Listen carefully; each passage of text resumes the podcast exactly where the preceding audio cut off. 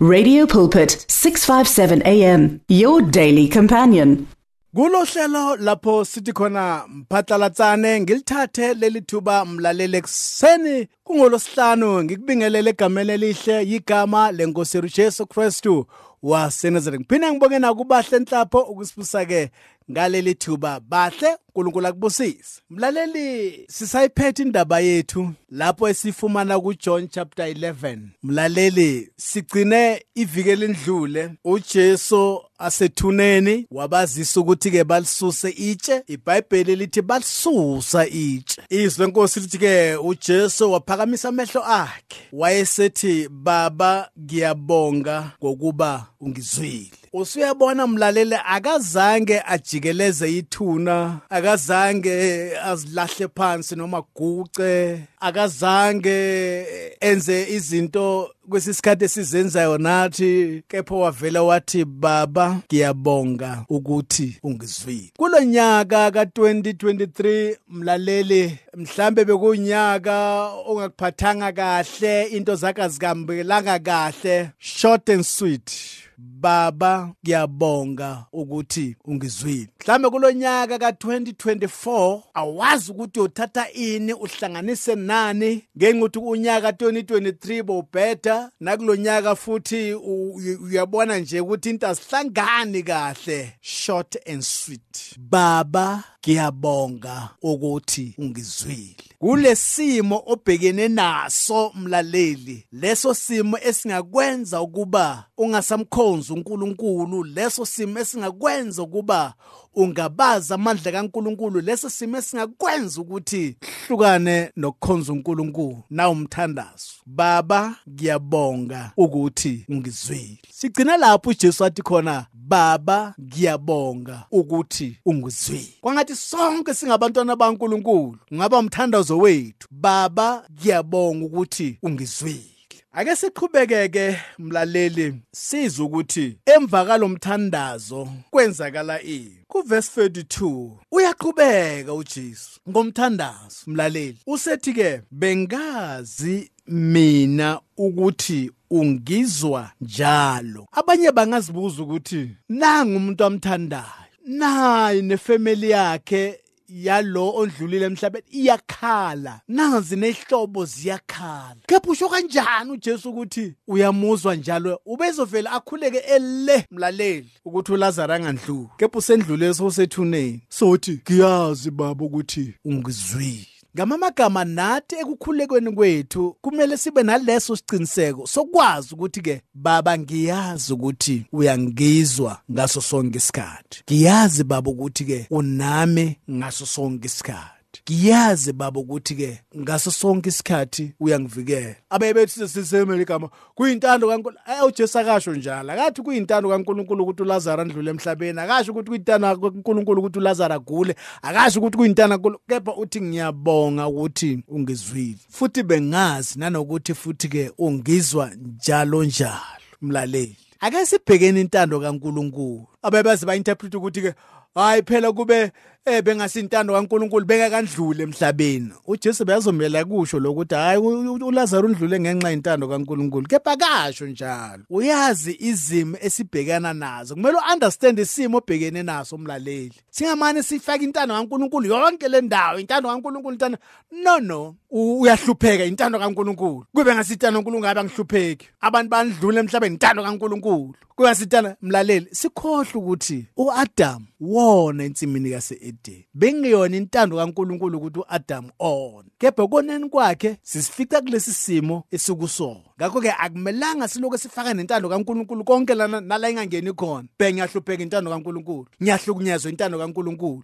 Abantu bashona intando kaNkuluNkulu. Igebengu zangena emasontweni intando kaNkuluNkulu. We madoda intando kaNkuluNkulu intando kaNkuluNkulu intando kaNkuluNkulu. Bengeke kwenzeke lokumasa intando kaNkuluNkulu. How do you interpret intando kaNkuluNkulu? Uyinterprete ngohlobo lunjani uJesu la akaze ngathi intando kaNkuluNkulu ukuthi uAdam olentuzo uLazarus agule intando kaNkuluNkulu ukuthi ke uLazarus afe no he never said that. Kepha wathi baba ngiyabonga ukuthi ungizwile. Waqhubeka wathi ke baba ngiyabonga ukuthi ungizwa ngaso sonke isikhathi. Ngakho ke kumele sikwazi uku-interpreta intando kaNkuluNkulu.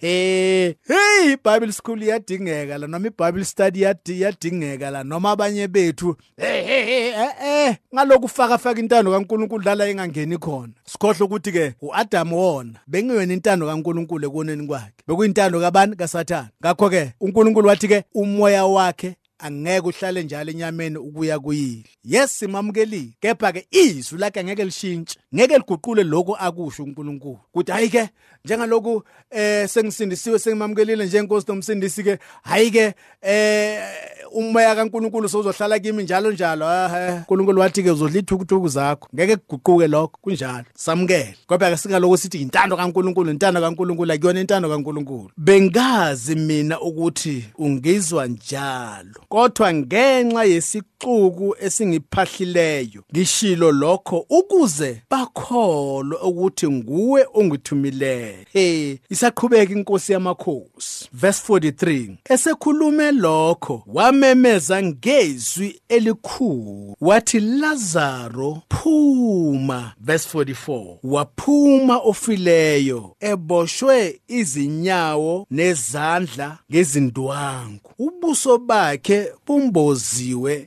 ngeduku uJesu wathi kubo mthukululeni nimyeke ahambe. Usuyabona lamlaleni abantu ifamily nomakhelwane babekhona emgcwabeni kaLazaro. La mlaleli uJesu usuba mix ethuneni akaba mix emoshari kodwa ke baya ethuneni. Uma sebafika ethuneni iBhayibheli lithi wakhuleka. And uyabona ukukhuleka kwakhe akusukukhuleka kokuthemeleza mlaleli. Ushaya ude wenze yonke lento ujikeleze eh eh wavela waya uba straight to the point. Baba ngiyabonga. Waqhubeka wathi ungizwa njalo njalo. Waqhubeka wathi ngikwenza lokho ukuze bakholwe ukuthi uwe ongithumile. Waqhubeka mlaleli ithi iBhayibheli wayesethi Lazaro vuka mlaleli. He abayibethu namhlanje uzobathi hey hamba novusa nake kushonile lapha. Ukuzibona eh never. Hamba novusa lapha. Eh eh la uJesu uthi vuka Lazaro. Ake ngiphinde ngikwazise mlaleli ukuthi akusoze kushintshe. Nanoma ungibona ngishubela nje kusasa uzoza kusekuthiwa udlala usehambile. Uzothini?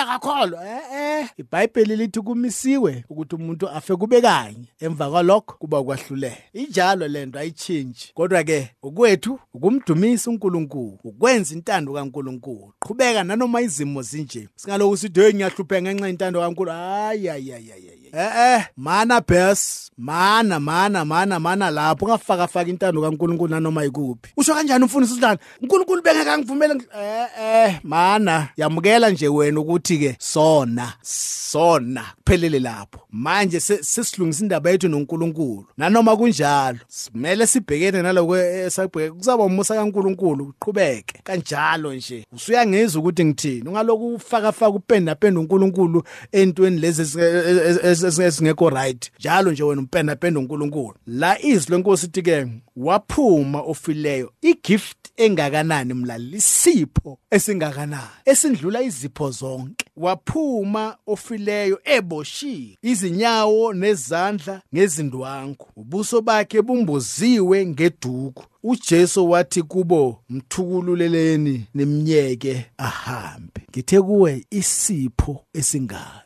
ngaphinde ngathi kuwe mlaleli ekumvuseni kwakhe uJesu kwakungasho ukuthi uLazaro angeke aphinde abuyele ethuneni. Ngamagama besizombona even today besizokwazi nendawo la ahlala khona. Sithi nangu uLazaro owavusa uJesu kwabafileyo aphinde futhi naye asixoxele. Kepha ke indaba yokudlula emhlabeni iminjalo ayishintshi. Kanti ke futhi nayo leyo futhi angeke isenze ukuba singamkhonzi uNkulunkulu.